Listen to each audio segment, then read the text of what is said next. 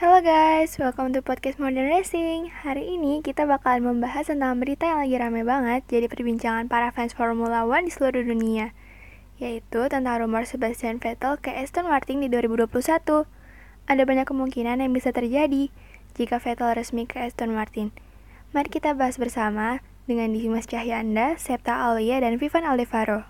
Ya, kalau dari pendapat gue pribadi sih gue melihat ini sebagai sebuah ujian, sebuah pilihan bagi Lawrence Stroll selaku ayah dari Lance Stroll. Dia sekarang dihadapin sebuah pilihan di mana dia harus lebih milih tim atau anaknya gitu.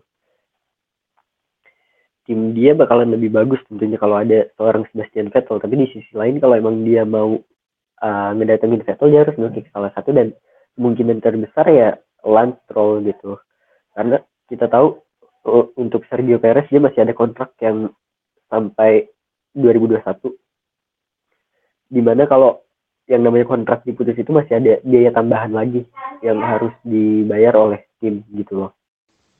Jadi gini Dev, kalau pendapat gue masih setuju-setuju aja sih Vettel ke Racing Point lagian tim mana lagi gitu yang mau nerima Vettel. Red Bull kan penuh gitu, terus katanya nggak sanggup bayar gajinya si Vettel kan.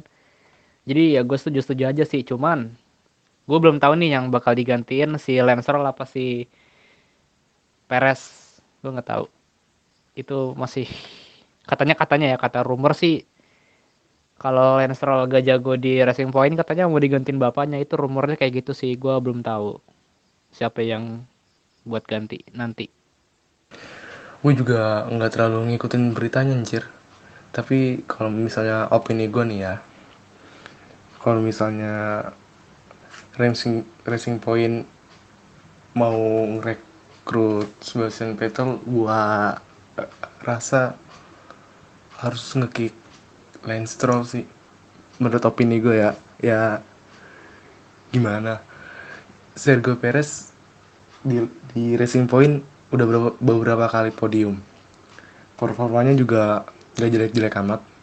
Bisa bersaing kok sama Ferrari sama Red Bull sama Renault. Jadi kalau kata gue kemungkinan terbesar harus ngekick Lance Stroll. Itu sih kalau misalnya gue jadi petinggi Racing Point ya gue lebih milih tim yang berkembang daripada milih anak.